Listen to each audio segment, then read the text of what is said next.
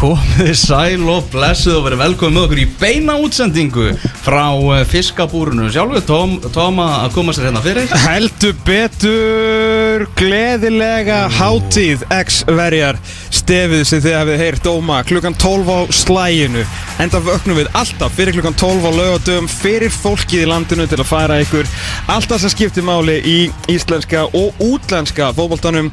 Þetta stef búið óma hér síðan 2009 okkar 11. starfsári erum hér aðalega fyrir Pepsi Max-dildina sem er að fara að byrja aftur.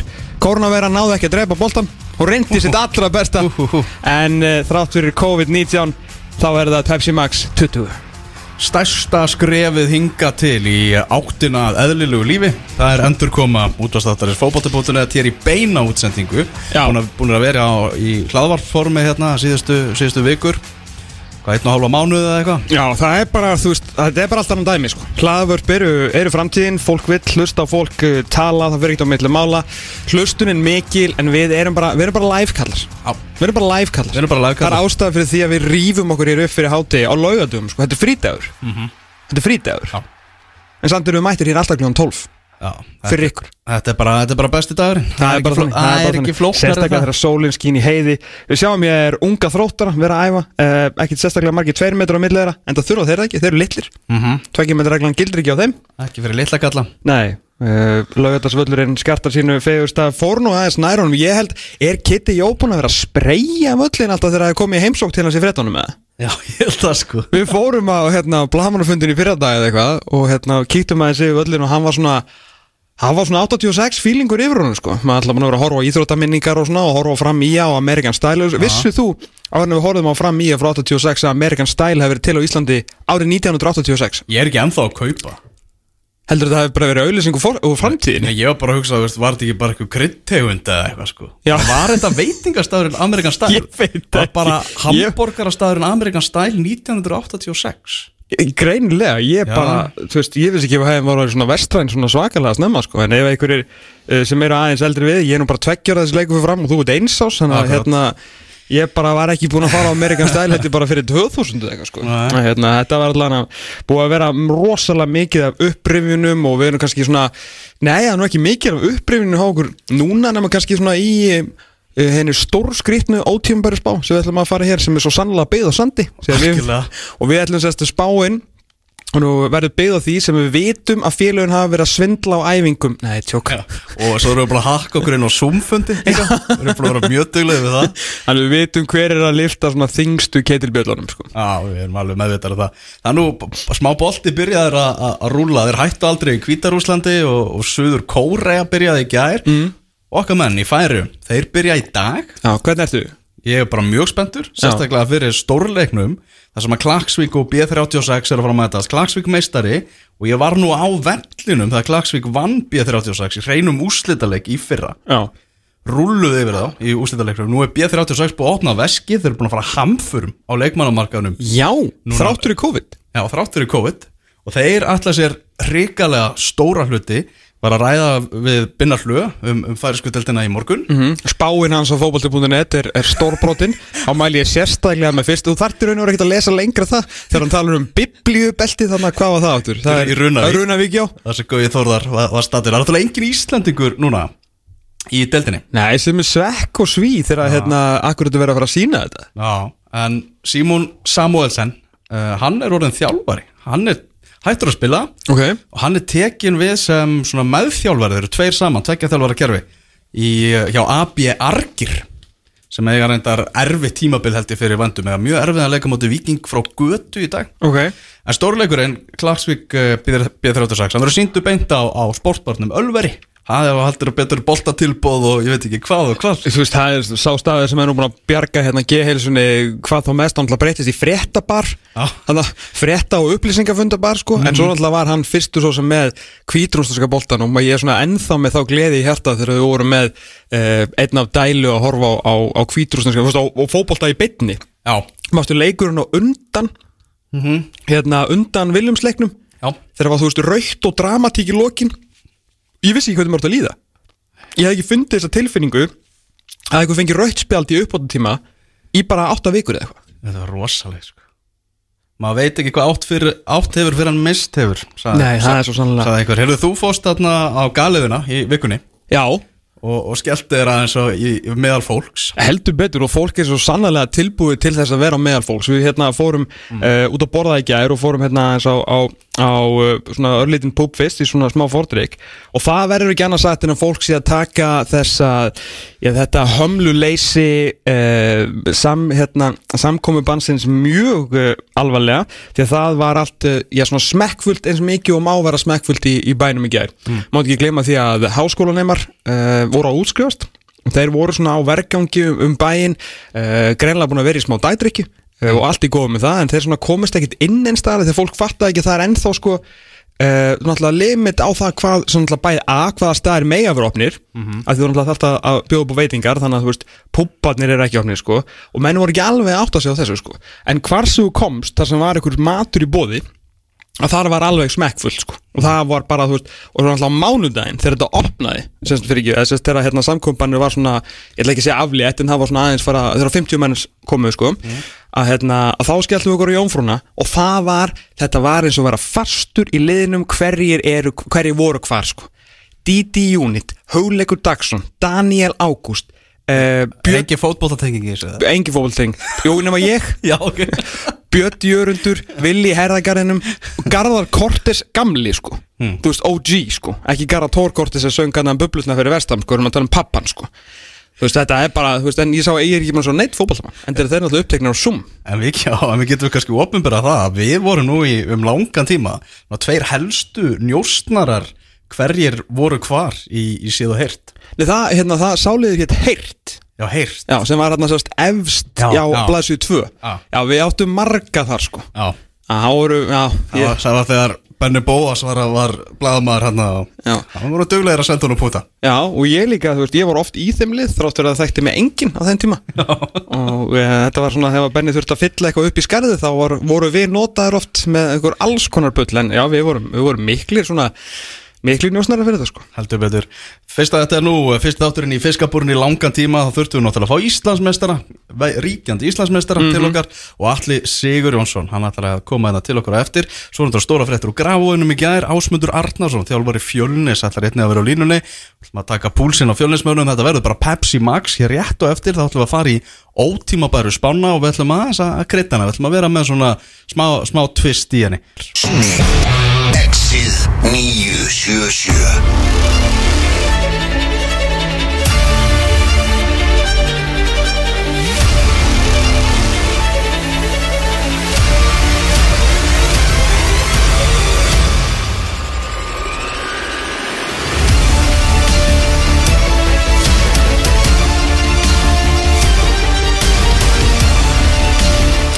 Það er engin tími fyrir tónlist í endurkomu þætti fótbolta.net hér í fiskabúrinu Elvar Geir og Tómas Stór með eitthvað til klukkan 2 í dag. Og uh, svona eitt sá liður sem hefur uh, verið eitthvað vinsalustur hjá okkur það er ótíma bara spáin fyrir Pepsi Max-deltina og nú er svo sannarlega tími að hafa ótíma bara spá sem er byggð á sandi. Já, liðin hafa valla æft, liðin hafa bara valla hist. Nei. engi, engi, engi veit nei Nei, nákvæmlega, fólk hefur verið ánægt með þetta, þú veist, þú ætla að að eh, veist, við fylgjumst vel með og förum á, á mikið af þessum leikjum, þannig að veit svona að þetta er, er, svona, þetta er oftast byggt á, á traustari grunni, sko, en alltaf nú stöndu við, þú veist, svolítið jafnfættis mörgum öðrum spengum og höfum alltaf ekki sinna leiki, þannig að þetta verður, eh, verður mjög áhugaverð, eh, mjög áhugaverð spá, verður að eh, segjast og svo sannlega byggð á sandi, þannig að því er ekkit að vera eitthvað pyrri púi yfir þessu, sko. En við ætlum líka að spá fyrir um það í, gerum það í sitt hverju lagi hver verður leikmaður ásins hjá hverju liði fyrir sig Við skulum bara ekkert vera að hika við þetta við skulum bara byrja í tólta sætinu og við ákveðum bara eftir fréttir gerðdagsins þá ákveðum við bara að henda fjölni í tólta sæti deildarinnar. Er þetta meira til að hrista bara upp í spánni eða, eða er eitthvað meira bak við það? Ég ætla að segja þessi meira á bakvega hérna, það búið að vera rosalega auðvelt að halda gróttu í, í 12. sætinu þar sem að þeir eru náttúrulega bara með lið sem að sko samkvæmt spá áttu ekki vera sambóðið inkassodeldin í fyrra en var það svo sannlega það sem þeir unnana uh, en akkurat núna ef við bara pælum í þú veist kannski leikmannhópurinn og reynslan er kannski tölvöld er aðeins meiri hjá fjölinsmönnum aftur á móti leikilmenn eru, veist, eru leikilmennir í þessu liði að hafa fallið ekki einu sem heldur tvisvar úr þessari deild. Uh, Þeir eru búin að missa náttúrulega sko miðvara Parisitt núna. Þeir mistu besta leikmannin uh, úr liðinu sínu og besta leikmann deildarinnar frá síðustu leik til Rasmus Kristensen aftur í val. Og nú er ekki bara hinn miðvörurinn farinn þegar kannski svolítið eftir í hvort allar spyrir með þrjá eða tvo heldur fyrirliðin og svona kannski ákveðin andlegur svona leiðtogi liðsins. Því að Bergson Ólason er bara maðurinn sem heldur utanum hennan hóp sko. Þannig að þetta er, þetta er ansi stórt og að missa hann á, á þessum tíumbúti sko ég er ekki ekki góður strákur. Og hérna hann kom til okkar í, í, hérna pot bara fyrir ekkert svo lungu þegar við vorum með þáttin í, í hlaðarsformi og meðast einhvern veginn svona þú veist bara geisla af honum þú veist bara einhvern veginn svona jákvæðnin og hvað hann var spenntur fyrir þessu. Það var hann sem veginn hóaði alla sem sannu fyrirlið á, á Zoom-fund reynda að halda svona smá klefa hitting. Og ég efast ekki um Þetta er bara það sem er áhugin hans núna. Það er einmitt þetta. Kalla menn á eitthvað fund og vera eitthvað að- að- að að tala og eitthvað. Algjörlega, ég vona að þessi Zoom-fundur með liðinu hafi ekki átt að segja því bara að þetta er djúðlega leðilegi gurar, ég ætla að fara að halda Zoom-fundur fyrir einhverja aðra sko. Leið á Zoom-fundunum lauk og leiðum þurfti að fara að mæta aftur út á fótboltavöllin þá bara nei takk. Þá sagði bara Beggi takk fyrir sig sko. Hann er náttúrulega já, búin að vera einbeita sig mikið að, að fyrirlestrum og, og öllu því og vera svona peppari og, og mikið, áhuga svona andlegu hliðinni og allt það. Hann er 28 ára gammal sko, hann er að leggja skóna hellin menn þetta fyrirliði liðsins og þú veist, líka bara skilabóðin sem þú sendir út í hópin mér er alveg svo að hann er potið rætt þetta við einhverja líkir menn hann á bestu gæðin eins og Gummakalla og, og Hansa og þá sem eru búin að vera hann hvað lengst. Ég, ég, ég, bara það hlýtur að vera.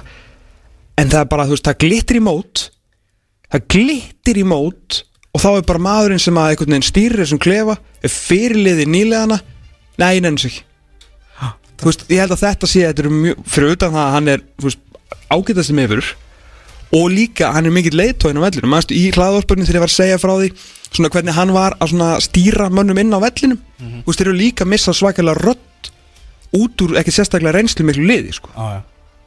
Þetta er ógeðslega leiðilegt mál. Náttúrulega þú veist og væntanlega einhverju leik með fjölunis bara mjög, mjög pyrraðar yfir þessu. Eðlilega. Og við fáum að heyra það eftir hvort Ási Arnars sé ekki líka mjög pyrraðar yfir þessu. Því að nú mjög örveitt fyrir fjölunis með núna allt einu þú að, að þurfa að fylla þetta skarð í, í liðinu hjá sér. -hmm. og Beggi, en þú veist, Beggi ok, fatta það bara áhugin er bara algjörlega farin bara áhugin minn á fótbolti farin hann segir það í, í viðtal við Sæbjörn á .net í gær. Þú veist, hver er með greiði gerður að hafa leikmannin á vellinum sem hefur engan áhuga á verkefninu sko. Nei, það er, skilur the flip side á þessu er að það er betra hann stíði þá frá heldur en hann sé bara lélugur sko. tímapunkturinn er hrikalur tímapunkturinn er reikalur það er bara mjög vond fyrir fjölunni hvernig þetta er að gerast sko við erum átt okkur því sko að Bersit Ólason næri alveg svakalugum hæðum 2016 þegar hann og Kasim Dumbia mynda besta ekki næst besta, ekki þriða besta ekki ágætta gott, þetta er besta miðvaraparið í Pepsi-deldinni þá Pepsi-deldinni sem er leiðir að því að eh, FO verður Íslandsmeistari. Hann kemur til FO og verður Íslandsmeistari eftir að vera keftur frá fjölunni þeir voru svo góðir að fólk held að Gunnar Nílsen var besti markmann í deildinni. Nei, veist, það er bara fakta. Þeir gerðu svona ein stór meðstöki leik Dumbia og Bersveið sem að leita því að Gunnar Nílsen þurfti að taka eina svona maður og mannvöslu sem hann er rosalega sterkur í. Og þeir með þess að skildu honum frá öllum þessum loftfimleikum sem að við erum búin að vera urðið yfir hann núna síðustu þrjú ár fyrir. Þú veist, þeir voru ógeðslega góðir.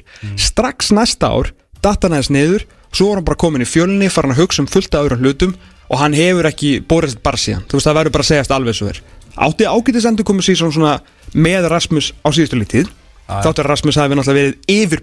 hérna en hann er búin að vera skilur að fjarlægast fótboltan smám saman. Já. þannig að þetta kemur mér ekkit geðvislega óvart en tímapunkturinn kemur óvart og þetta er mjög vond fyrir þetta lið. Algjörlega, þarna eins og þú segir þá hefur, alveg sérsteila undan frá ára. Fótboll þannig er ekki lengur nummer eitt hjá honum. Mhm.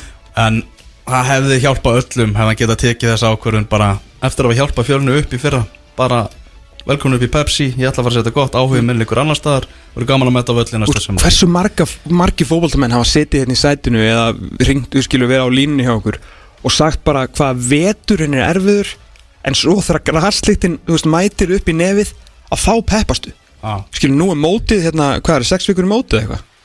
Fyrirlegin farin. Já, akkurat. Þarna uh, lið ásins í ennkassoteltinni fyrra uh, við erum að tala um það að Rasmus Kristjansen var valinn leikmaður ásins hann er farinn. Mhm. Á bekknum í lið ásins Bergsveitn Ólafsson farinn og Albert Brynir Ingarsson farinn.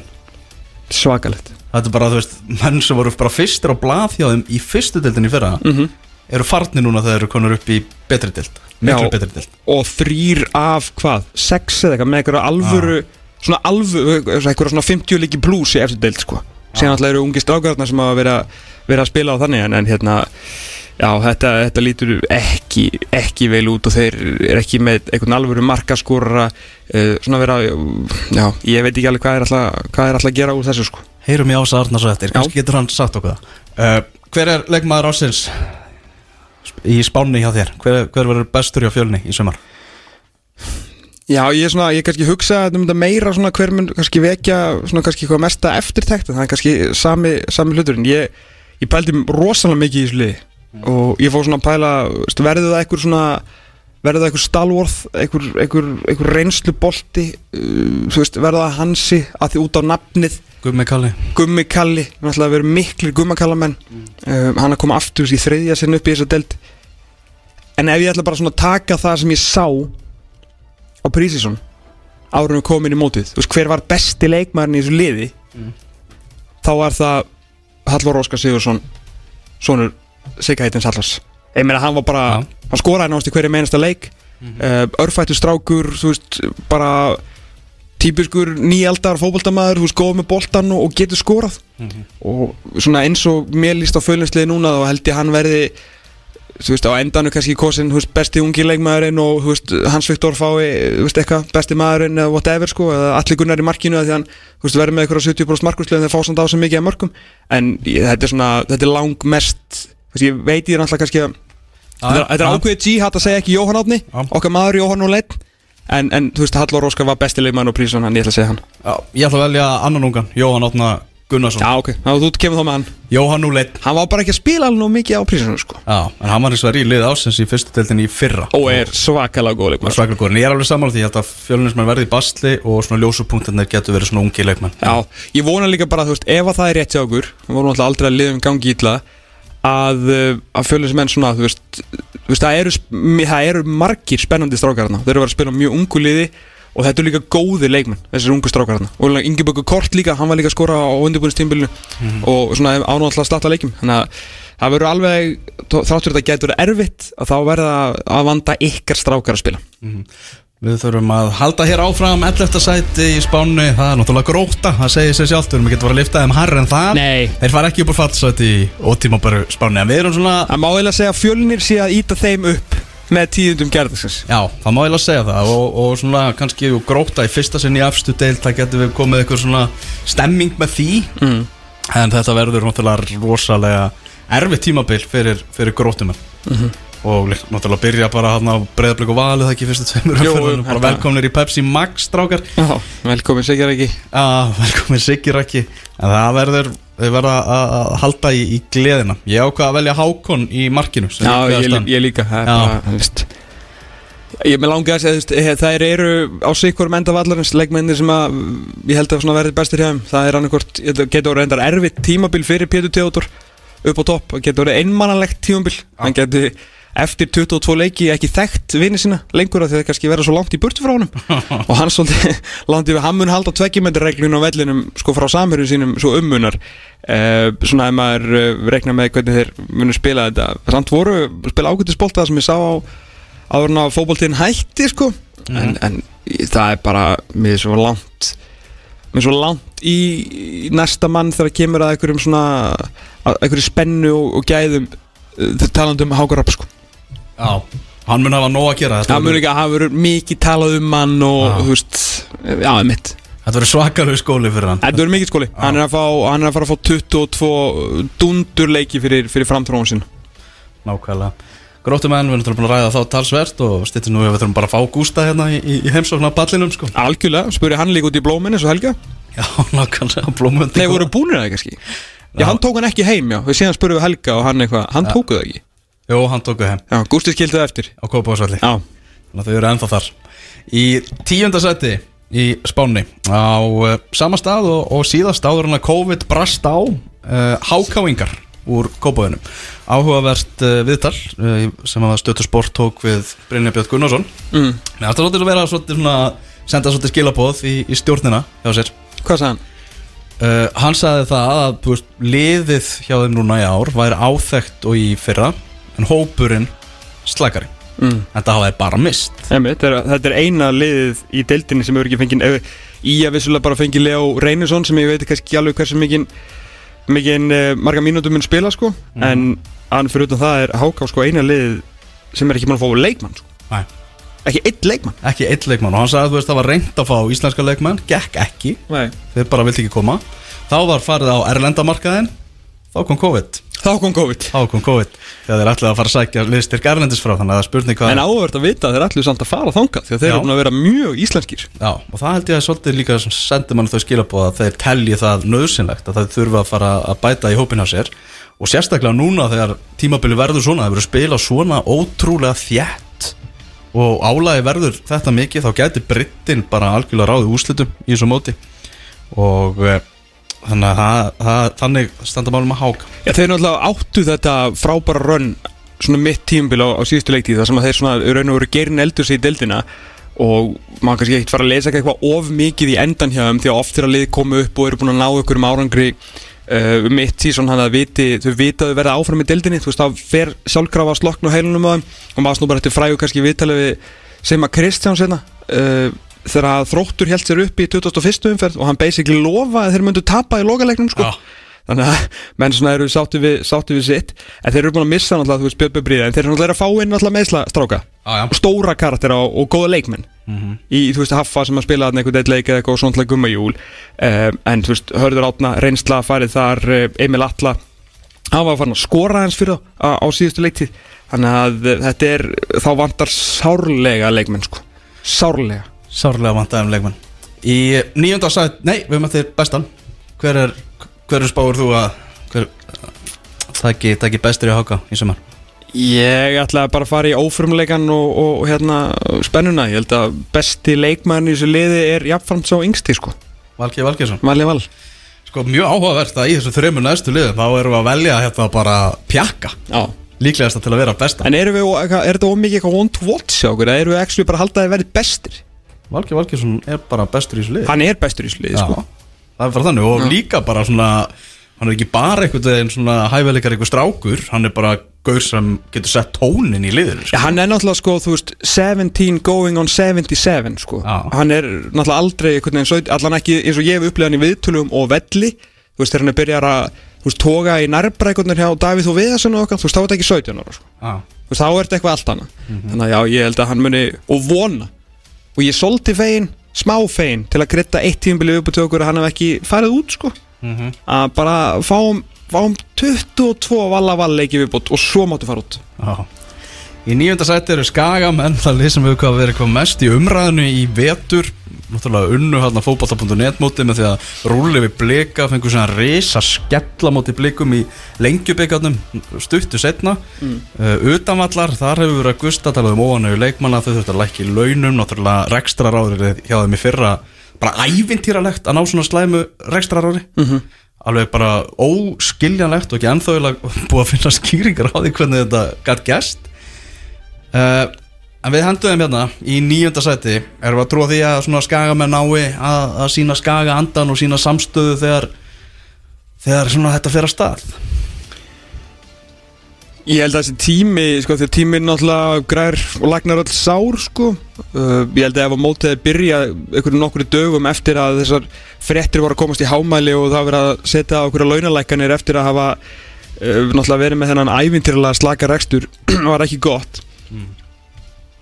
Þannig að þetta, það hjálpaði um klálega að vera ekki að, vera ekki að byrja þetta strax. Ungi strákar margir hérna í, í svakalegu formi þannig að veist, þeir geta svona sprengt svolítið á stað eins og þeir gerði á á síðustu leikti uh, fannur að hérna, en það var náttúrulega það sem er vond fyrir þá myndi ég halda er þeir náttúrulega voru farnir að sérst, prófa að spila fótbolta núna á undirbúinistímbölu sem var virkilega gaman að sjá og voru búin að skora alveg fullt af fínu mörgum og náttúrulega í að TV búið að vera algjör, algjör snild maður og fengið að sjá meira af í heldur en nokkur eru liði í frábærum útsendingum þegar geggiðu stöðar og hérna, maður reyndi að sjá svona eins mikið um að gat og allavega kíkja á mörginu og eitthvað uppspil hjá þeim þar sem að þetta var kannski það lið sem að allavega umturna sínu leikstíl hvað mest. En það getur ekki getur ekki, það hjálpaði sjálfsög ekki að rífa bara í handbremsuna á þeirri uppbyggingu á miðju undirbúrstímbilinu sko. eða það var ekki svona hálfað þannig að þú veist hvað ætlar að gera við þessar 2-3 æfingarleiki sem þeir fá komandi inn í mót sko, í, í hvort fótinn ætlar að stíga? Ég hlakka svolítið til, að- til að sjá það sko. Já, við erum þetta sko, ég fór með rántmál á hann Við erum að hafa, láta HKI að hafa sætaskipti. Nú, Við vorum með IA nummer 10 í síðustu spá. Við erum að, já, því að þeir eru alltaf var allt í bullið þarna sko. já, nú fá þeir allavega svona Fengu þetta svona afslöpunar tíma, getum við sagt. Mm. Og þegar allt, þú veist, uh, er tekið saman Þá er skæin með höttalöp Þeir eru með Óttarbjarna, þeir eru með Stefán Teit Þeir eru með Bjarkastein og þeir eru með mannin sem við erum báður að fara að spá því að vera valin bestur í hann Tryggvi Hrafn Haraldsson. Þeir eru með hann líka. Þannig að þú veist, er ein- þetta er alveg, þetta eru, þetta eru kallar sko. Já, þetta eru svona kallarnir sem að þú veist, reða ekkert við eigið ágæti í fyrra sko. Já, Fattur þú veist, þeir voru bara góðir í fimm umferði sko. mhm. Eftir það voru þeir bara fallið.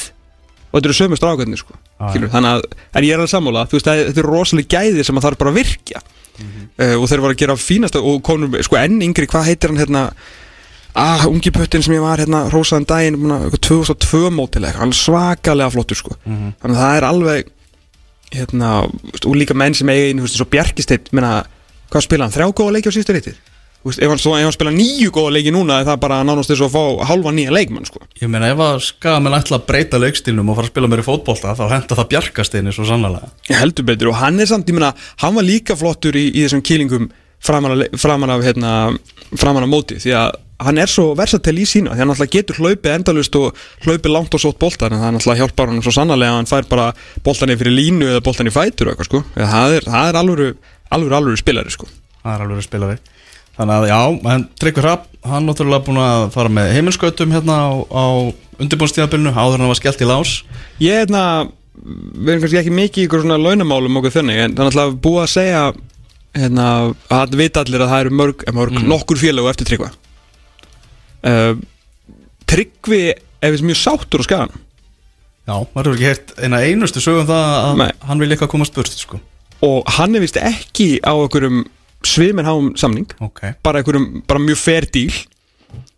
Og að mér sagt sko samningi sem að liði svo til dæmis Valur sem að hefur, allan að maður hefur frétt af verið að bera vétnir í hann myndu bara svona grænjur hlátur yfir bara ok, ekkert mál fyrir, þú veist, þetta talent ekki spurning sko, því hann er náttúrulega á sínum degi topp, hvað, 6-7 leikmaður í þess að deild uh, en hann sem sagt fær sitt hjá skaganum og þeir bara, þú veist, passa upp á hann og honum bara meðan að það er í lægi sko að þá bara heldur hann treyð og honum bara líður vel þarna sko og það sem ég veit ekki er hvort þetta sé treyð eða þægendarami já, fatt það. Þannig að þú veist, ef þetta bara treyð, flott mm -hmm. geggjaða leikmaður og vonandi gera hann góða hlutur í skagan því ég elska að horfa hann ekki að spila. Ég ætla að vonandi að sé ekki einhver þægendarami það sé bara huggi að vera bara heim upp á skaga og þú veist, það sé engin pressa okkar sko.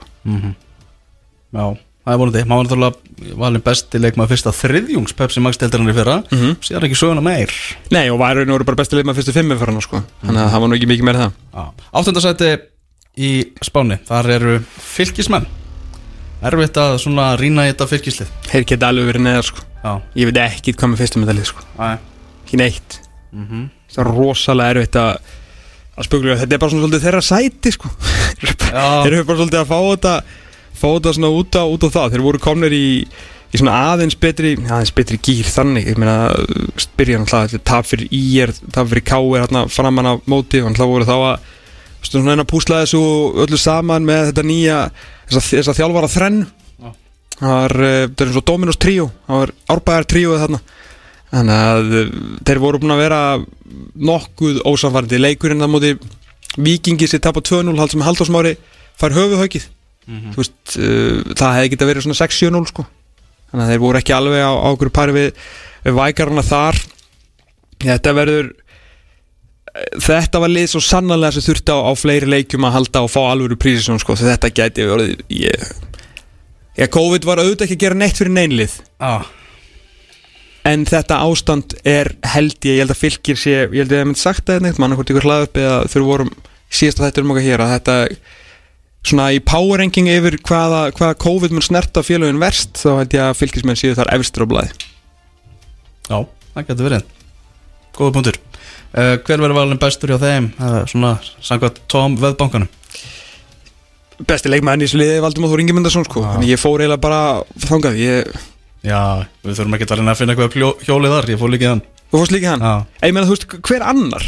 Mitt Ég bara ágreiti fylki bara strax Valdimar Þór Ingemyndarsson sem að Já svona, ef maður tekur skrefið frá síðasta tímabili á bara að vera besti maður liðsins alveg, alveg hygglust. Já, ég bara, þú veist, ef að því að hérna, hinir, þú veist, ég þekki alveg hina, þú veist, Aron Snær, ég og ennþá, ég er ekki aðdáðandi, sko, en ég, ég vona hann verið góður, eins og ég vona allir verið góður, en svona, já, já, þú veist, jólakaka, sko, uh, veist, Ragnar Bræði verður það ekki, þú veist, ég sé hann margótt spila, Hákon Ingi, Jónsson, það er strákur sem að mun gera fullt, en hann verður aldrei bestur, veist, það er, alveg reynsli í þessu liði sko. Það er mikil pefsildar reynsla en það er engin ykkur leikmaður sem ég er svona hlakka að það eru fylgir að spila, ég ætla að fara að sjá hann nema Valdimar Ingemundarsson Hann er algjörlega þannig. Heyrðu, höldum áfram og uh, viljur okkar í Káa er í sjöndasæti með þess að við heimsóttum nú uh, á, á dögunum og rættum aðeins hérna í, í podcastættunum þá að menn sem eru vel tengtir Káa og innan Káa tala um það að kannski hafi COVID bara komið á besta tíma fyrir, fyrir Káamenn Það eru bara öfugt við fylgi. Já, það bara einhvern veginn var allt gjössanlega í ruggli Þeir náttúrulega voru sundur tættir af vikingum hérna Rétt áður en að fótboltanum var hætt. Og bara þetta leiti ekki vel út Menn búin að vera meittir og, og allt það. Ég meina Áskei Sigurgesson Hann verður nú bara klár í móti núna Fyrst að, fyrst að það færist svona. Sem er heldur betur eitthvað sem að þá vantar það sem að Elvarátni er ekkert að koma inn dráttur í COVID. Minna hann er alltaf bara um stýtti crossband Já, neitt þannig að hérna, já, svo heyrði maður líka í kringum innan þetta, þetta rússið lendi í hérna hjá, hjá vikingum að það var engin hérna, var engin stemning á, á æfingum, þú veist, þær voru að vera þungar og erfiðar og þú veist, þetta var bara já, ég held að allt í ruggli sé bara svolítið svona, svolítið rétt orð eins og staðan var á þessum tímum sko. Þannig að ég ætla að spá því Að bestur hjá Káa í sumar mm. verði Hallgrimur Jónasson hann náði, Já. hann náði eitthvað í þessu spjalli þarna viðtalinu hann var kokki í viðtalinu. Sagði bara þú veist að hann, hann var að glíma með meðsli náttúrulega síðasta tímabili. Mm. sagði hann hefði bara basically gert mistök. Að það að koma frá Danmörku og var hann að spila einasta leik þar úti. En bara einhvern veginn fór og, og snögt í það að vera í bóganum hérna hverjum degi og eitthvað. Allar að spila til færtugs, segir hann. Bara Ok. hvergi nærri hættur. Og ég ætla, ég ætla bara að henda þessu á, hann náði að, að, að samfara mig. Ég held að Hallgrimur Jónasson verði bestur í okkar Já, ég skal viðurkenna það, Elva Geir, Magnússon. Að uh, ég skilaði auð því ég, þú veist, ég hef ekki það satt bara grímsi eins og alltaf sko. Ég bjóstu því sko. Já. ég, að, ég, hérna- taka, ég hugsaði, Tón tekur alltaf grímsa. Já, ég, ég- tek hinn Hallgrím. Mér langaði voða mikið að eitthvað að finna upp hjólið sko. Og þetta er kannski meira spurning hjá Káa skilar auð? Já, ég skilaði auðu. En þú veist, ég get alveg sagt grímsi og vilt sko ok. Þú veist, drop-offið í næsta fótboltamann í þessu liði er bara, þú veist, það er bara fram að bjargsbrún sko. En ég er alltaf mikið Rodri maður. Rodri geti komið með einhverja róhafn inn á, á miðuna hefum En ég held að hann kannski verði ekkit Ég skal segja grímsi fyrir þig En ég er svona Ég veit ekki alveg hvað maður finnst um káa liði sko. Æ, Veit það ekki alveg. Æ. býðum að sjá En ég er ánægð með þetta sjá til þér. Já. Já, já Hallgrimur Jónasson hann var svo örugum með sjálfans í þessu vittari sko. En svo Haukur Heiðar líka komast á lappir. Já, já, það er náttúrulega líka, hann var, fór í aðgerð.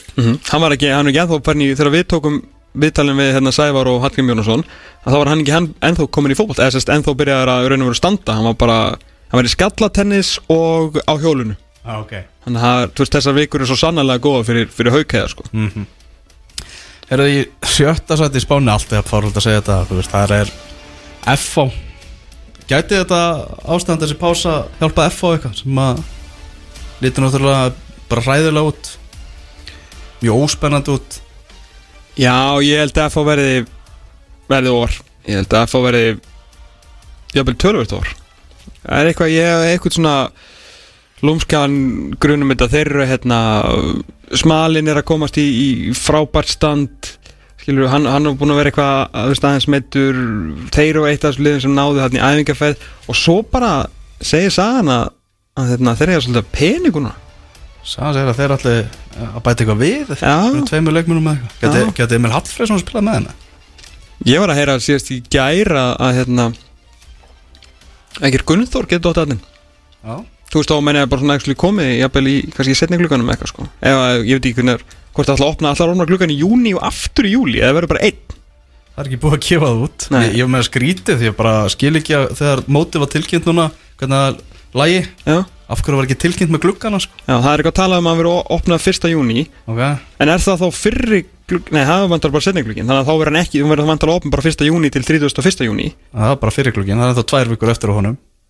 Það er rétt sér Þeir lokuðu fyrirklukkanum snemma til þess að eiga ennþá tvær vikur eftir honum Já, þetta er kannski eitthvað annað sem maður þarf að kynna sér og þú þurfum að taka debat um það hvort það að vera tveir gluggar á þessu móti sko. Ég meina, við, við spurðum Guðna Bergson út í þetta Hann hafði ekki, sagði að þetta var í vinslu bara og Þetta var í skoðun. Þetta var í skoðun hann, ah, hafði, Ok, ótrúlegt. Hérna, já mm, Hérna, þeir eiga hérna, þessi, þessi fyrirfrangreisla sem að kom núna frá FIFA til félagana sem að voru að skila leikmönnum í, í hérna, landslýsverkefni það sem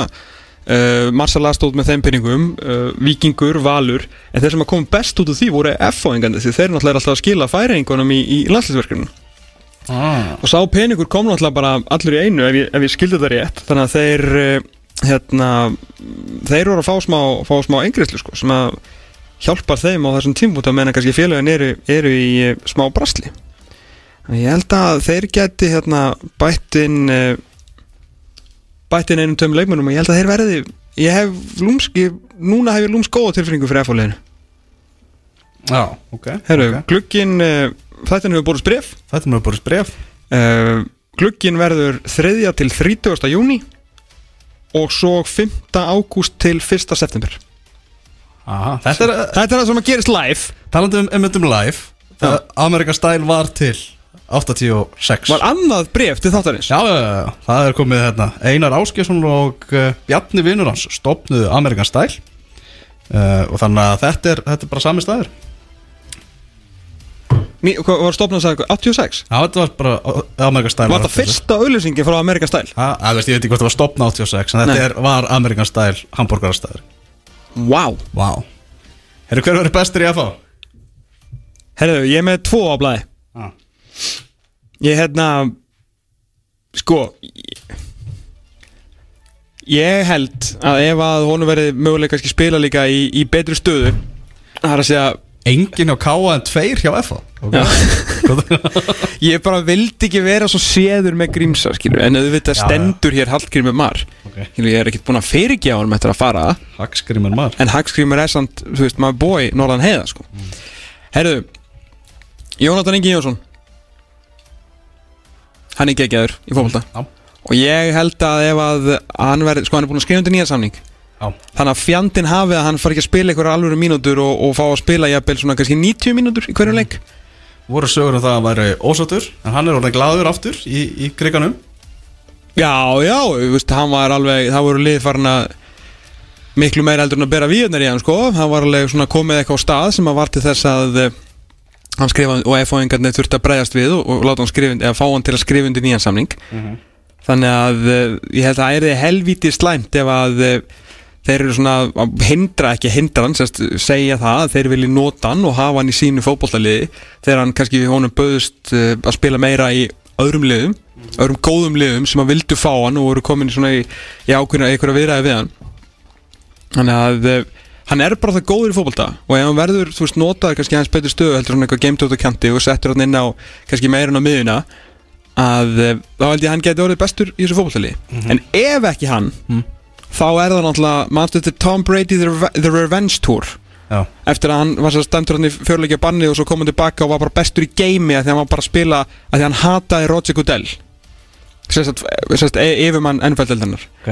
Það er náttúrulega einn maður í þessari deild á The Revenge Tour Hemdarfur Smalans. Það er til hér á teipi þegar þjálfarn hans fyrirverandi Rúna Pál Sigmundsson sagði að Baldur Sigursson many time many times champion sko. byggar Baldur, smalin best, sko, í, var hann ekki í aldamótaliðin okkar? Jú, áratúsliðin okkar. Það væri bara Ég var, get ekki svo á nóttinu Við hefum ekki valið Baldur Sigursson sko. Rúna Pál Sigmundsson sagði hér fullum fettum að Baldur Sigursson smalin byggar Baldur Já. eitt besti leikmaður sem við höfum séð frá því við höfum verið að horfa á þessa deild og fjallum hana ætti ekkert í að spila með topplið í þessari deild lengur. Heldur þú að byggar Baldur heldur þú að smalin sé eitthvað grænjandur hlátur yfir svona umælum með það? Sást hann í backpressunni í hérna F-óingar þættunum hann þegar hann var úti? Já, Þetta er búin að sjá standið á manninu með það Rosalur Hann fór, sko, ég held ég söðburun daginn og hann var sko bara loft á tveimur kindum í einu sko. Reynda skildi ekki alveg að hvernig hann var í gæsagalunum hann í fjórásunum en hann voru eiga það við sig. Náttúrulega hann fer ekki svo mikið í sveitin þessa dagana. En ég ætla bara ein sögulínu sumarsins sem ég er að búa hér til er hemdar fyrir smalans. Hendar fyrir smala Já. Svolítið skemmtilegt að þegar ég var að hugsa um F-fáliði þá var ég með að tveimunöfnum Já, þá voru önnur nöfn heldur en, heldur en þú varst með þarna sko. ok, ekki ekki. Það Heru, ég var að pæla í Morten Beck sem er náttúrulega bara já, hefur mikið að segja í þessu F-fáliði bara að þeir hafa sé að halda honum líka. Hvers eru? Morten Beck. Já, og Björndanir Sverrisson. Það var líka jafnvel hægt að tala um einhverja hendar fyrir þar sko. ja, ekki hemdar fyrir Nei. Hann það bara, það er meira bara svona sko, sanna sig túrin sko. Já, Bara sínd okkur eitthvað sko. What have you done from me lately túrin sko? Já Hann spilaði alltaf leikina með í fyrra en við viljum meira frá honum og allir vilja það og hann bara sjálfur líka vantala Herru, höldum áfram. Veist því að svona það kýtlar eða bara sko að hafa sætaskipti En það ekki, við ekki bara svissa sér betni, við erum live sko. Við erum live. Herru, Við vorum að tala um fymta, við erum að fara aftur í sjötta. Við erum að fara í sjötta sæti. FH er spáð fymta sæti. Þetta Hér- svona gerist hlutandir þegar þetta er í Svo beinni sko. gott að vera Það live er svo gott að vera live. Er í fymta sæti Stjarnan Máni Pétursson með eldræðu hérna um, um stjörnuna heldur það að Ég er búin að horfa á þessi eldraða fjóru sem ég skil ekki ennþá um hvað hann var að tala sko. Það er náttúrulega allt uh, bara einhvern veginn í ruggli þarna baku tjöldingreinlega hjá stjörnunu og hefur verið í fjölmjölum mm. og það, hann vil meina það að þetta smittist inn í fótbollan getur bara gert starf Óla Jó og, og, og Rúnars Páls bara erfiðara fyrir. Já. Áhuga- áhugavert líki sem þetta þar sem að allir við þar sagði það bara að hann heldur basically að Rúnar Páll er aðstofþjálfari Herru, það fannst mér Það fannst mér eitt besta teikið bara á Prísisson. Já. Að bara Rúnar Páll myndi stíða til hliðar og verða aðstofþjálfari bara Óli Jó myndi taka allar stóru ákvarðandar Þetta er ástæðan fyrir að fólk svona hlustar stundum á þess sem hafa spilað sko. Veist, við, ég með þetta aldrei sko. Uh, Þetta er sammálu sig Ég mánu var alltaf hjartalega ósammálusu Já En síðan útskýri allir þetta fyrir honum að bara að því hann var að segja að hann var svo mikil stjórnum að hann myndi aldrei einhvern veginn leiða honum að taka stjórnumtömmuna en allir benti þá aftur á að hann var búin að reyna að fá heimi áður. Og þú ert korki fá heimi Guðjónsson nýja Óla Jó til þess að láta þá síðan bara ráða keilum fyrir þig eða leifa þeim ekki að ráða. Nei. skilur, þannig að það var eins og hann sé svona tilbúin til að bakka. Maður veit ekki hvort það sé rétt og þeir náttúrulega neita að tjá sig um þetta og hvor hefur loka ákvæða bara, "Æ, við bara, hvað sagður við ok, þú veist, það verður það bara þannig sko. Hérna ég ég ætla ekki, ætla ekki þú veist, ég treysti mána fullko, þetta var eins og ég myndi láta einhvern annan tala um þú veist, viking og trú honum heldur fyrir ekki heldur um mér. En ef það er einhverju tveir kallar sem ég held að geti blokkað eitthvað bulli, einhverju yfirstjórn sem að kemur til líka þú veist, út af einhverjum handbóltamálum, þá held ég að sé Óli og Rúnapall sko. Þú veist, mér skarpaðingar mjög góður svona að læsa sig bara inni, ég held að svona, ég, ég held, ég vona knaspundeldur hann vegna að þeir geti bara svona læst sig svolítið inni.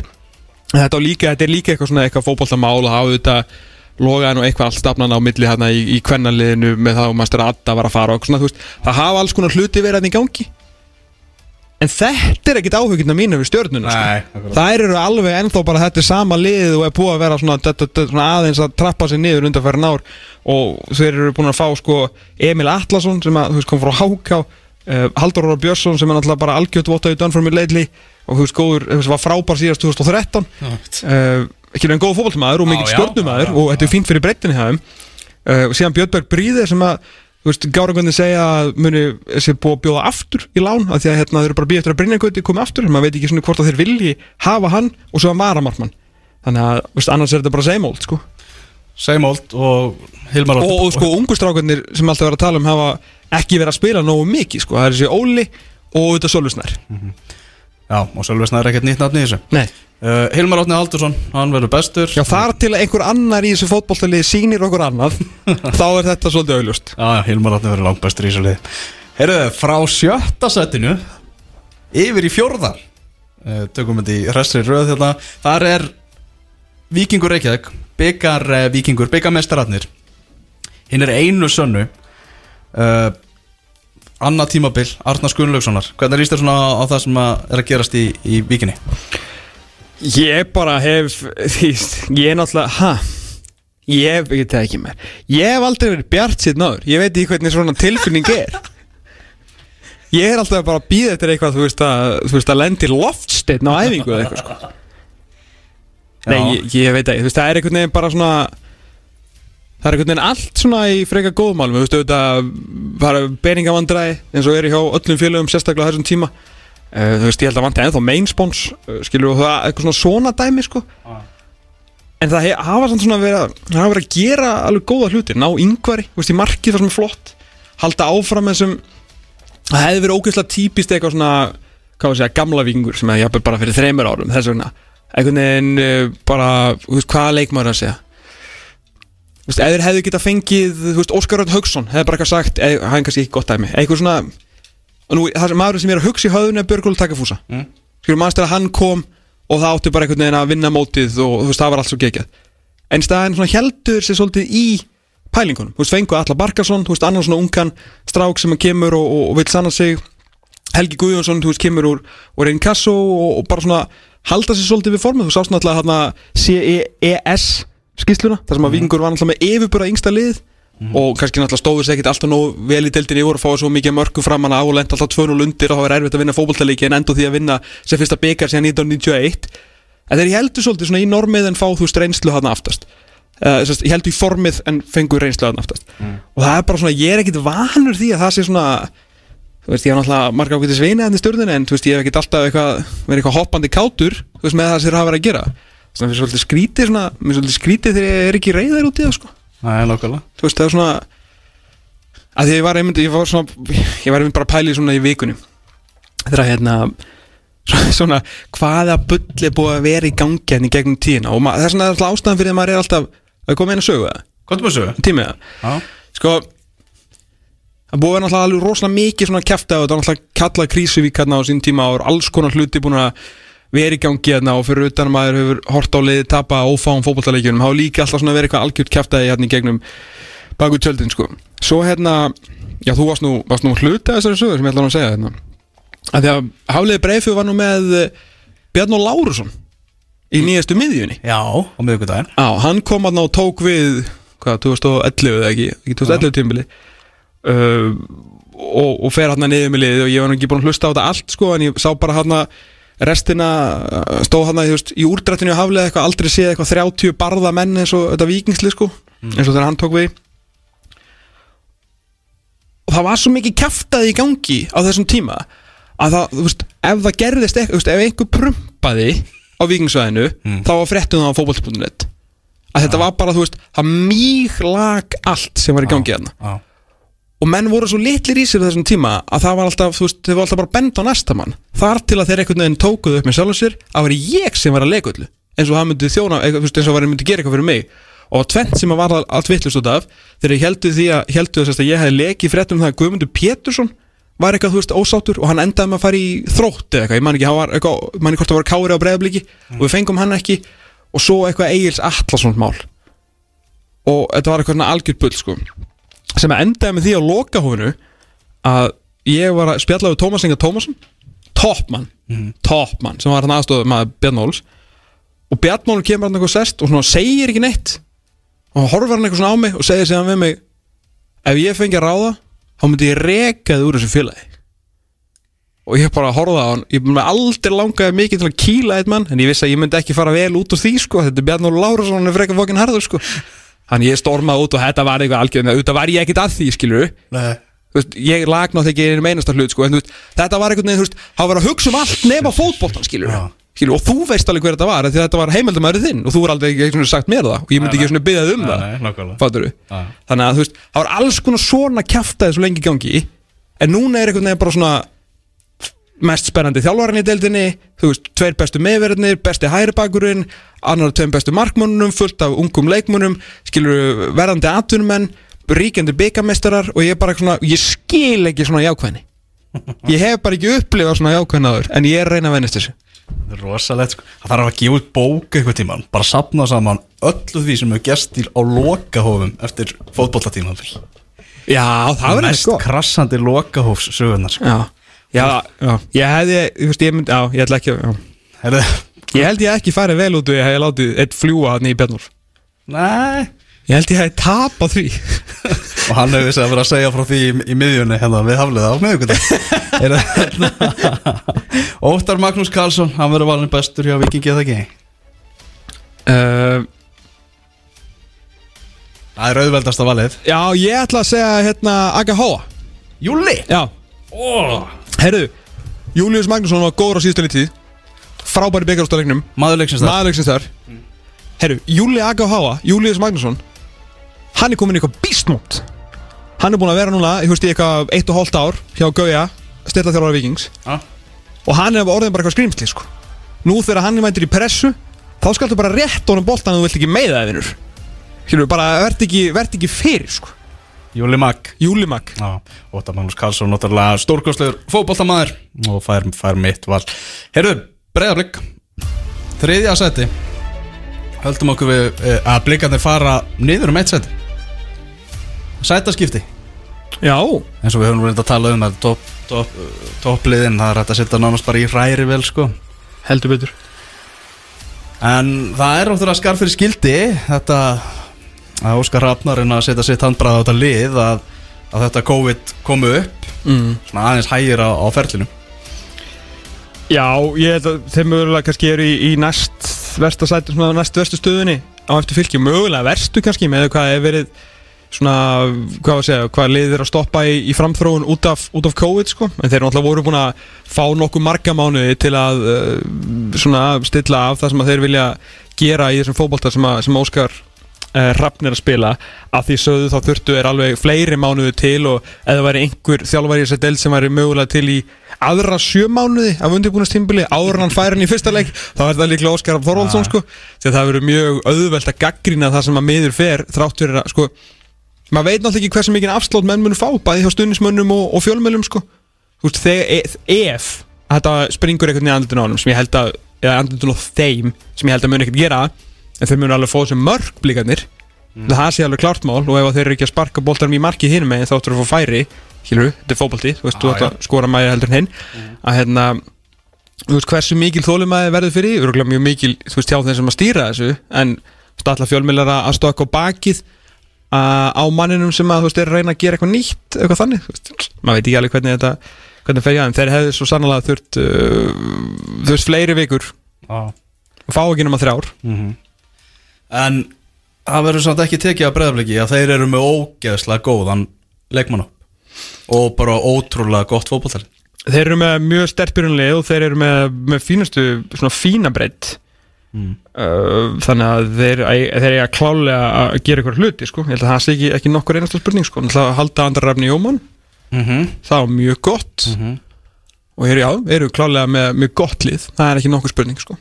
En hver er líklegast til að vera bestur samkvæmt tóðum veðbankanum?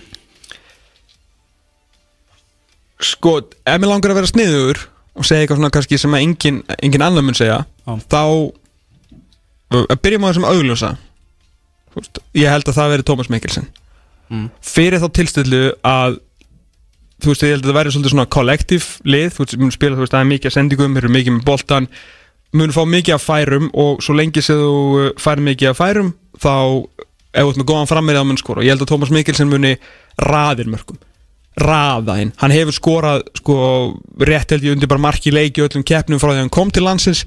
Og af hverju ætti það að vera eitthvað minna og af hverju ætti ekki að vera meira fyrir lið sem er bara konstantli með boltan og konstantli í sókn. Þannig að ég einhvern veginn held að hann mun skora alveg glás af mörgum veist, fimm, ég er að tala um svona 15, 16, 17 sko.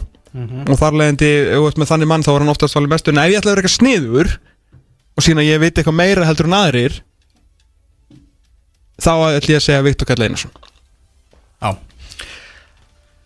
getur leist, hann alltaf er miðjumæður mm. hann var að spila mikið út á kanti bæði fyrra og, og líka eins og á prísununa hann getur leist tvær, tvær stöður. Hann hefur allt sko. Og það er alveg ástæða fyrir að þetta er akademistrákur sem að fór til þú veist Arsi Daltmann sko. Hann er, hann er ógeðslega góður og hann er svona einmitt ekkert ósvipað kannski svona júla hann kom ekkert heim með eitthvað skott á myndi lappana mér veist hann svolítið bara svona hit the ground running. Ekkert fengið kannski mestu umfullununa með það sem hann hefur gert en hann, þú veist, hann getur spila á miðunni hann er sterkur, hann er með frábæra sendingar og hann getur líka skorað sko. og hann getur skallað. Þannig að ég held að svona ef ég ætla að vera eitthvað voða klára á sniðu þá myndi ég segja Viktor Kall því að ég held að hann, ég held að muni vekja gríðala aðtegli á þessu tímbili en, en þú veist, easy, easy money er Tómas Mikkelsen að því að ég held að Breiðablík mun skora fullt af fótboltmörkum Ég ætla að taka nýja fyrirlega Krulla Gull, Höskuld Gunnlaugsson. Ekki amalegt sjá það. Já, bara passar held ég ótrúlega vel inn í fótbolta Óskars Raps Þorvaldssonar. Fullur sjálfströst eftir búin að vera í landsleisverkefni í janúar og, og, og komið með bandið og allt það. Þannig að ég seti þetta á, á, á höskuld. Heyrðu, annað sæti deildarinnar. Það eru Valsmenn Heimi Guðjónsson. Léttir í lund.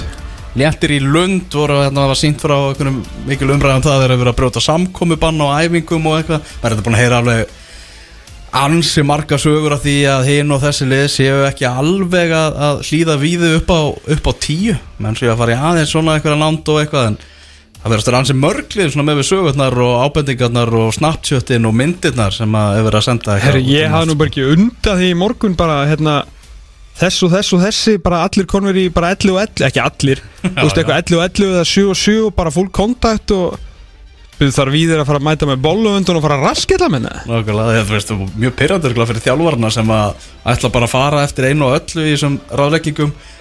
Heyranda því að það eru verið að víkja alveg vel út frá þessum reglum. Ég held að það viti það bara allir sem eru í þessum fótboltabransa, það er bara verið að gera. Mm -hmm.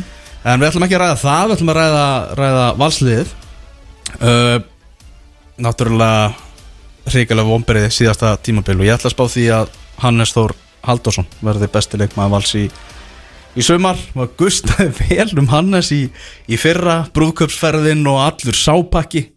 Þannig að svona þekkjandi Hannes þá held ég að hann sko spýti vel í lóana og verði bara eigi eitt af sínu mörgu mögnu tímabilum að sögulega hefur tíjan alltaf verið svona staða, hefur F á staðan og Heimir Guðjónsson uh, lagt mikið upp úr þessari stöðu í sínum sínum fótbolta, þeir eru með ansi góða tíu þarna sem var líka fór vel á stað þessu prísjósni og í, í vel spilandi liðum. Þetta er alltaf ógeðslega margir svo getur valið í þessu lið. Þú veist það var að taka Eið, þú veist það er svona að taka Rasmus skilur, ég held að reyndar að hann verði comeback player of the year eins og ég hef sagt þetta náður uh, en ég ætla að segja Kristinn Freyr Sigursson mm. Ég held að það taka palla Nei, en það er Kristinn Freyr okay. Ég held að munu bæði leggja upp og skora Ég held að verði geggjaður Já, segi bara sitt um gæðin eins og valsliði hvað eru á skömmum tíma, hvað eru mörgunar nefnt hérna sko. Já, já, veist, og þeir með þess að bara bæta við þessi Árunni Bjarnasinni og veist, það er nóg nóg til að mönnum hann sko. Nót til á köllum, það er þannig sko Herruði, en í fyrsta sæti, vel við hæfið að þegar Alli Sigurjónsson er að veifa okkur hérna fyrir rutan að við tilkynum það að það eru káir sem Mm. að heldur sínu sæti. Uh, þeir bara vinna alltaf fótbollaleiki Rúna Kristinsson virkilega ánað með hópin bara allt klárt og allir kampa kátir í Vesturbænum. Mm. uh, var svolítið erfitt hins vegar að velja þann sem var líklegast til að val, vera valin bestur hjá káir Fannst það erfitt? Já, Já, ég skiljaði auðu líka. Skilaður auð Já. Eða svona, ég hef meira bara svona, mér langaði bara að ræði þetta við þig. Hvað ég valdi á endarum Kristján Flóka Fimboðsson Æ, var hvað klár Já, ég held að það sé líka aðalega vegna sem ég var hvað spenntastur fyrir að sjá hann á öðru tímabili með káringunum sko. mm. Veist, það svona var að vega svolítið þungt hjá mér en e, mjög erfitt annars sko. Já, þetta er svo jæmt lið, sko Já, þetta er það sko bara, og þetta er svo ótrúlega m- massíf liðseilt og eins og við sínt sér bara þegar lendi áföllum og það bara kemur maður í mann stað. Alltaf, alltaf. Ekki spurning, ég held að það er einmitt svolítið málið. Þetta er rosalega svona kollektív heiltjáðum uh, mjög öðvöld að segja bara Óskar Örd sem var náttúrulega valin besti leikmaðurinn á mótinu að Mhm. síða sko. Já. Það er svona langmest easy choice því hann náttúrulega heldur alveg gríðarlegum standard alltaf sko. En ef maður, þú veist það er mjög erfitt að fara í einhvern, einhvern annan þannig. Þetta er svona, það er skemmtilegur en áður kannski en að spá í hver getur svona komið eitthvað óvart í þessu káli Þú veist, ef að Stefán Átni, þú veist, hver sem fara að spila eitthvað, þú veist, flókið náttúrulega líka, ég veit að hann spila alveg nokkra leiki, Mm. en hvort að hann er með svona algjörlega springi út aftur sem að þessi oversendir sem hann er í þessari deild, Ægir Jarl takir næsta skref ægir í allt nákvæmlega, takk í Já. næsta skref og eitthvað svona, uh, þú veist, Alex Freyr eftir að hafa meittur, hvort að hann komið, þú veist, sterkur inn og svona, Mhm. þannig að þeir eru að fá, veist, það er alveg menn sem eiga samt alveg inni þarna, þráttur að þeir hafi verið meistarar með yfirbörum á síðasta leikti, sko, Já, sem að geri þá einmitt að the favorites, eins og staðan er núna, sko. Þetta er bara ótrúlegt unit þetta, þetta kárið, ætlum að ræða það bara betur hérna á eftir við Alla Sigur Jónsson Það er búið að tilkynna það að KR mætir Vikingi Reykjavík á KR vellinum. Hvað, Íslandsmeistararnir á þorðu þeir ekki á teppið eða hvað gerist? Er ekki, er ekki Íslandsmeistararnir sem eiga Jú, var búið að setja leikin í víkinu sko. Já, ok Þannig búin að vera í víkinni. Var ekki Maggi Böð bara að heimta heyrðu, þetta verður hér á grasinu mínu sko. Jú, vandalega, það er örugglega bara að skila en skýslu að vera í lægi með grasið Þannig að við maður gera að spila þetta Þeir eiga heimalíkin, þeir eru meistararnir sko. Já, meistarakefnin, það verður gaman að fá þennan leik og, og þessa helgi sem þessi leiku verður það verður öll önnur fótballtalið á Íslandi að spila æfingarleiki Það verður kannski byggar og Þannig að það og er mögulega náttúrulega fyrrum daginn ústildaleikurinn í Almannavarnir Open Mótunni sem ég var að reyna að setja upp. Já, það var skemmtilegt. Uh, 13. á Pepsi Max delt Karla að fara á stað með opnunarleiknum Valur KR Svo eru er fjóri leikir hérna á lögadeginum og einn, nei á sönnudeginum og, og svo einn á, á mánudeginum. Þannig að þetta er allt saman að bresta á og góð tíðindi í gær þar sem að Þórólfur Sótvallagnir tilkynnti það að uh, það er þeim meira en hundrað manna takmörkun vandarlega í næsta skrefi. Ok. þannig að talaði eitthvað um rúf það var eitthvað í að 200 manns. Þannig að það er allavega eitthvað það var aðeins fleiri sem að geta allavega mætt á leikinu og kannski eftir að hólfið allt saman niður og eitthvað. En það var allt saman eftir að koma í ljós. Við ætlum að halda áfram að fjallum Pepsi Max deildina hérna eftir. Þú ert að hlusta á fótbolti.net á exinu 977 Takk hjá fyrir það mánu Það var Geir og Tómas Tór hérna með ykkur. Mátt fara út núna maður. 20 mítur eftir af uh, þættinum endurkomu þættinum í, í fiskabúrið. Og ætlum næsta að fara yfir í stórfréttinar óvæntu fréttinar frá því gær þegar að uh, Já, fjölnismenn og Bergsveitn Ólason tilkynntu það að Bergsveitn er búin að leggja skóna á hylluna áhugin fyrir uh, fótbollanum er bara gjössanlega horfin hjá honum. Þannig að fyrirliði fjölnismanna þegar styttist í mót þá stekkur hann af skipinu og uh, þetta er náttúrulega bara áfall fyrir, fyrir gravarvóks liðið sem að er alveg ljóst að þetta verður erfitt tímabil fyrir það og komnir aftur upp úr fyrstu deildinni, löndu þar í öðru sæti eru núna komnir í miklu, miklu sterkari deild. En um, liðið hefur bara veikst þeim, Rasmus farin, Bergsveit farin Albert Brynjar farin Ég er bara maður, það er sjálfgæft að nýlegar í deild tapi, já verði af svona miklum gæðum þegar þeir myndi farið upp um þetta er svona oftast þegar lið falla, þá myndi maður haldaði með svona Bergsveit myndi fara í eitthvað betra lið, Rasmus myndi snúða aftur heim í val og Albert Benja myndi kannski fara aftur í, í fylkið eitthvað, hann reyndur á leiðin í, í C-deildina sko, þannig að eh, en að fara upp um og missa þessa þrjá pósta, þetta er Ég ætla að ég maður ekki í fljótu bræði, þú eru auðvitað gerst áður sko, en svona í fljótu bræði þá mann ég ekki eftir því að liða kannski mist þrjá bestu kallana sína sko.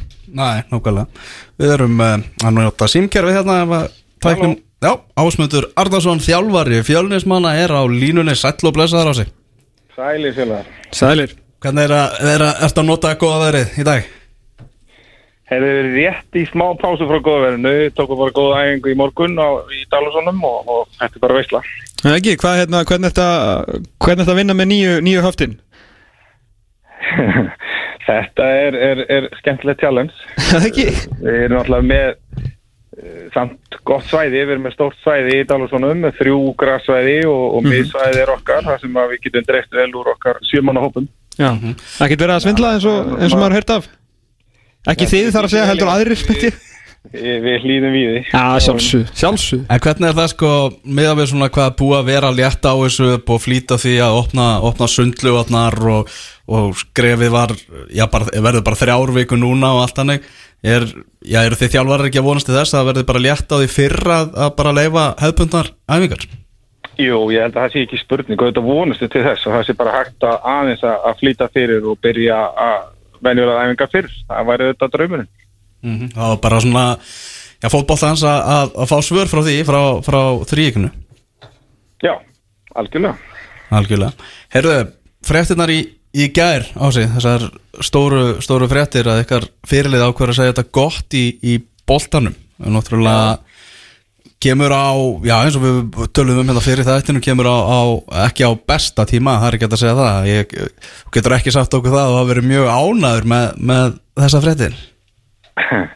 Nei, nei, það er auðvitað harrétt og hérna uh, þegar hann baði maður að fá að spjalla við ykkur á fintæðin og þá átti maður á döða sínum von uh, frekar heldur en að heyra þessa fréttir.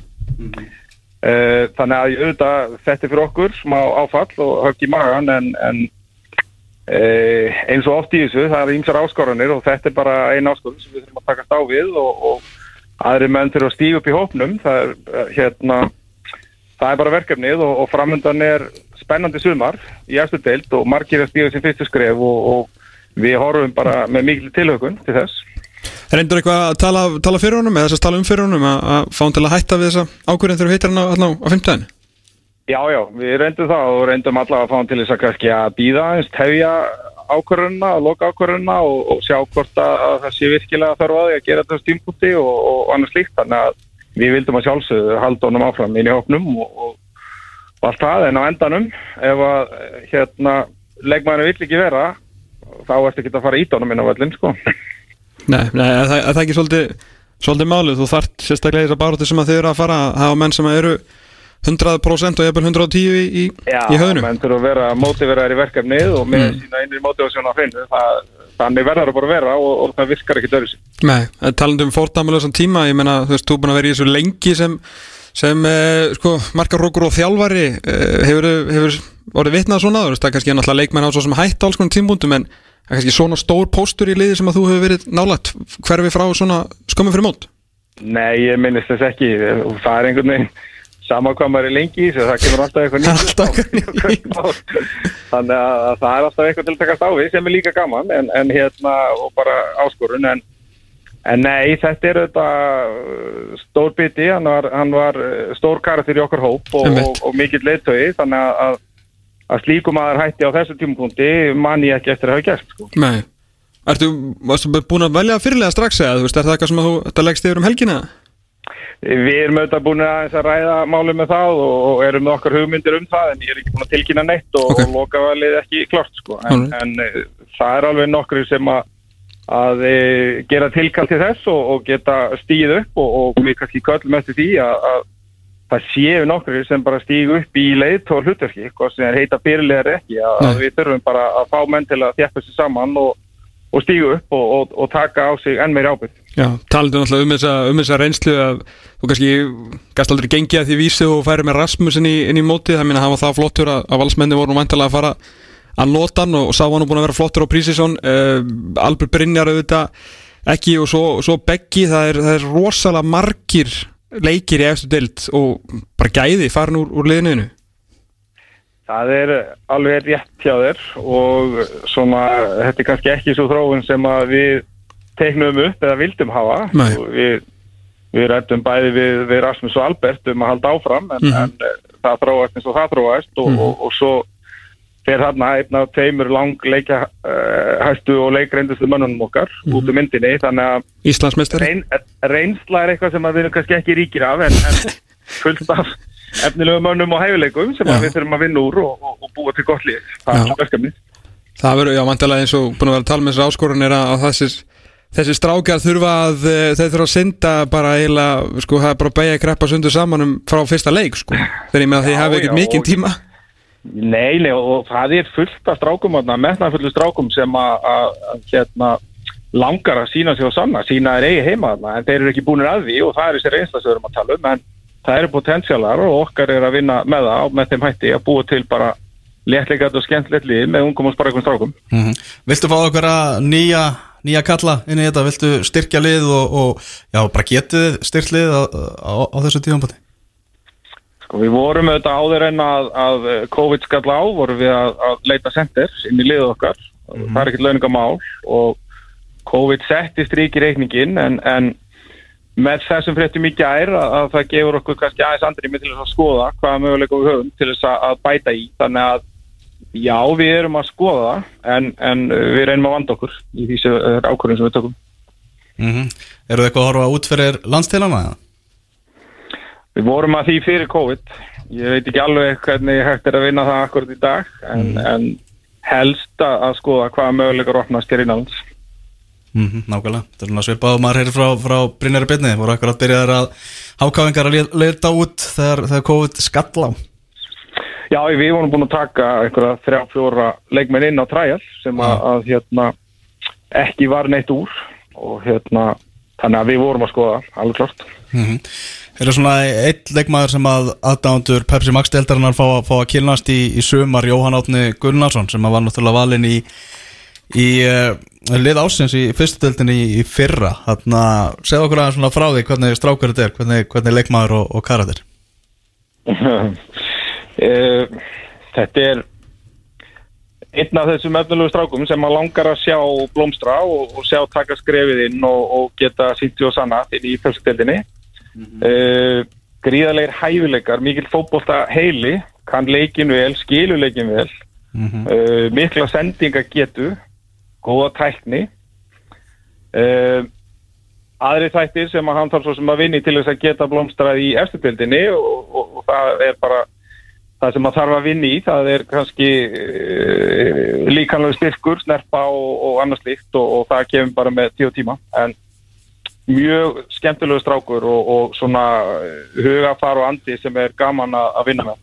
Mm Já, það er spennandi að sjá þennan 19 ára strák í, sumar. Er náttúrulega komni núna í miklu sterkari deild þetta er, þetta er alveg verkefni sem er að fara í uh, svona maður, þegar maður lítur á töfluna og er að pæla í þessu þá hugsa maður það að þessi deild gæti orðið tvískipt í, í sumar. Ertu, ertu saman á því, getur þetta orðið svona tveir pakkar? Það gæti alveg þróast þannig. Mm það er ekkert, ekkert ólíklegt eins og maður horfir á leikmannahópana og liðin að, að, að þá, þá skilji vel að menn, menn horfa það fyrir tímabil en það er nú oft þannig að eitthvað kemur óvart upp á við og eitthvað kemur óvart niður á við og, og þannig gæti þetta blandast aðeins og vonandi gera það en ekkert ólíklegt ef maður horfir blákalt á það Hversu gott er fyrir þjálfaran að vera komin með svona plan sem hættir að vinna eftir, farin að sjá leikina svart, svart á hviti það er bara lífsnöðsilegt skrítnir þessir óvissi tíma sem búin er að vera en, en, en nú fer svona byggjast upp meiri spenna og gleði með hækandi sól og, og, og sjá fyrir sér hvernig hlutinni líti út og hvernig það verður teiknað upp að, að, að þá er, er allt annað líf að vinna í þessu. Algjörlega. Herðu, ásæði, bara takk kærlega fyrir að gefa það tíma, gaman að heyra þér. Takk sem Heyrjumst bara. Bye bye. Já, fyrir þetta sketið þannig frá Gravarvójunum Ásmundur Arnarsson, þjálfari fjölunismanna Já, það er að voru, þetta voru áhugavert í þetta ger Já, þetta er svo svona form yfir þetta áðan. Þetta maður skýrir vel að Ég held að ásið svona hafi verið að svona býta svolítið saman svona munnun svona meina að vera að segja. Rá, ég held að það sé svona svolítið pyrraður Eðlilega. Eðlilega, við fórum svo sem ítala yfir það áðan sko ekki bara missa reynslumestamannin, reynslumesta efstöldaleikmannin ég, hvað er þetta ekki, þetta er eini maður í þessu liði sem hefur fagnað Íslandsmeistaratilli þannig að eh, nema alltaf kannski stráka þetta eitthvað yngri flokkum sko en það er alltaf telur ekkert í, í Pepsi Max þannig að hann við ekki það að reynda að tala eins um fyrir honum en á endanum þá vill hann bara hafa menn sem eru 100% í þessu. Mm Já, þarna verður þetta tvískiptelt Erum við að fara að fá svona bara úslita leiki hérna innbyrðis milli milli svona tvekja hópa? Já, er það ekki, er það ekki easy svona, Jó, það er svona blaði segir manna svona auðvelda, auðvelda tekið á þetta? Mm manni finnst hvað Valur, K.R. F.A. Stjarnan, Víkingur, Breiðblik já, hann fer svolítið kannski eftir hvað K.A. gerir, hvort að Í.A. tekur eitthvað skref og eru betri í lengri tíma en svona, svona til að bara fljótt á litið þá uh, ætti þetta, ætti þetta að vera þannig sko þannig að þrátt fyrir að Stjarnan sé kannski eitthvað við erum ekkert eitthvað hoppandi hoppandi húrra fyrir því hvað þeir eru búin að vera eitthvað, veist, upplöður að þannig en þá er náttúrulega byggt á mjög tröstum grunni og, og þannig að þeir ættu nú alveg að vera áfram á, hann í þessum pakka ég ætla ekki nokkuð spurning þannig að það er mjög auðvelt að segja þetta verði nokkuð tvískipt til svona, svona framan af. En það er svo eins og sé, spurning hvað káa og mögulega í hann gerir, mm Mhm. ekki? Jó, það eru Frek, frekar en fylgir sko. Það er það er erfitt. að dæma þetta þegar maður er leikmennir hafa verið læstir inn heima á sér allar þessar vikur sko. Herri, ég er að sjá hérna Leeds myndin að Take Us Home sem var á Prime Video er á stöðu sport um helgina sundaginn, nei þetta er þættir já. Þetta eru þættir, þáttarið ég held að- held að þetta að vera mynd. Er það sex þættir? Sex þættir um lýts á sunnudaginn núna, hefur þú séð þetta? Nei, ég nefnilega ekki að setja, ég er mjög spendur Byrju, þetta er 2018-19, það er bara þegar bjelsa á ráðina ekki? Jú, Ó, næs, ok, það var eitthvað meira að gera. Fram að móti. Já, og frábæra tíma, sunnundaskvöld klukkan átta Þú veist, Já, sem að verður síðan Pepsi tími. Sem verður sem Pepsi tími eftir, eftir nokkra vikur. Það taldur stöttur sport, við vorum að tala um að Garðar Örn hérna já, uh, hérna, hérna helsta manni bak við tjöldin þar. Uh, ég- næsta lag er náttúrulega tilenga honum. Eitt af það sem ég hlakka mest til við að snúa aftur í fiskabúrið Já. það er að geta farið að spila sign aftur sko. Já þeir eru, eru þeir ekki ekki mikið ástæða stöð almennt eða? Við erum svolítið að redda þeim góðum stefgjöldum sko. Já, algjörlega, þeir eru svona af og til sko. en við erum sá útastáttur í heiminum sem spilar mest af sign þá er maður hérna, má tóna úr hafnafyrðinu, þetta er Cassandra svona eitt af þeirra allra vinsælustur Það held ég, eh, Boris Johnson, hann er að fara að ávarpa breyta á morgun og fótballtegi veldur að vonast til þess aðna úti að eitthvað muni í hans máli eh, styðja það að, að þeir geti fara að setja ykkur áallanir, þetta project sitt um, að- um að byrja deildina aftur. mm Fundur með ennsku úrvarsleitinni á mánudeginum. Já, það sem að þeir munu fara vantarlega yfir þessi nýjastu tíðindi Bórisar Jónssonar eh, það verður ansið fróðald Þessi sexliði í fallbortinni ekki hrifin að því að fara að spila hlutur sem völlum skil ekki alveg hverja málið það skiptir þeir eru ekki áhöröndur en þeir verða svo sem að útskýra það sjálfur Já. Eh, Það er 14 lið til að eh, samþykja þetta þannig að þjá tveir stór tilkynning á morgun hjá Boris og stór fundur hjá Bremi líka á, á mánudaginn sko. Mhm. Og þú, þeir eru búin að halda svo marga fundi þar sem maður hefur svona verið að býða eftir, já þeir eru að fara að hittast á Já. og svo bara, heyrðu, þeir voru bara að spjalla Það það var ekki, bara á þess að fara í málinn hittast Já. sína sig og segja aðra sko. það var ekki tekin einn ákvörðin nefnum það. Herru, ég held að hundastátturinn fótbolti.net sé að líðandi lok þennan laugardaginn. Váká gott að vera aftur live maður. Þetta var, það var allur pakkin Það var ótíðum bara spá. Það var gestur í húsi Þú veist að- segja ykkur að nýja hluti. Það var, þú veist við fengum tíðindi gær Tíðindi gær að Bergsvinni Þjálfarn á línuna Aðtöðu hvað honum fannst um þetta. Þættunum bara bref Já. Ekki eitt heldur tvö. Ah, snúr, Snúrur fór úr sambandi. Snúru fór úr sambandi, gesturinn breytist í, í tæknimann, ég veit ekki hvað og hvað, við hérna við gerum grína garðari sem var sjálfsögða hlusta. Og til að toppa þetta allt saman, eftir upphafsræðin okkar um American Style.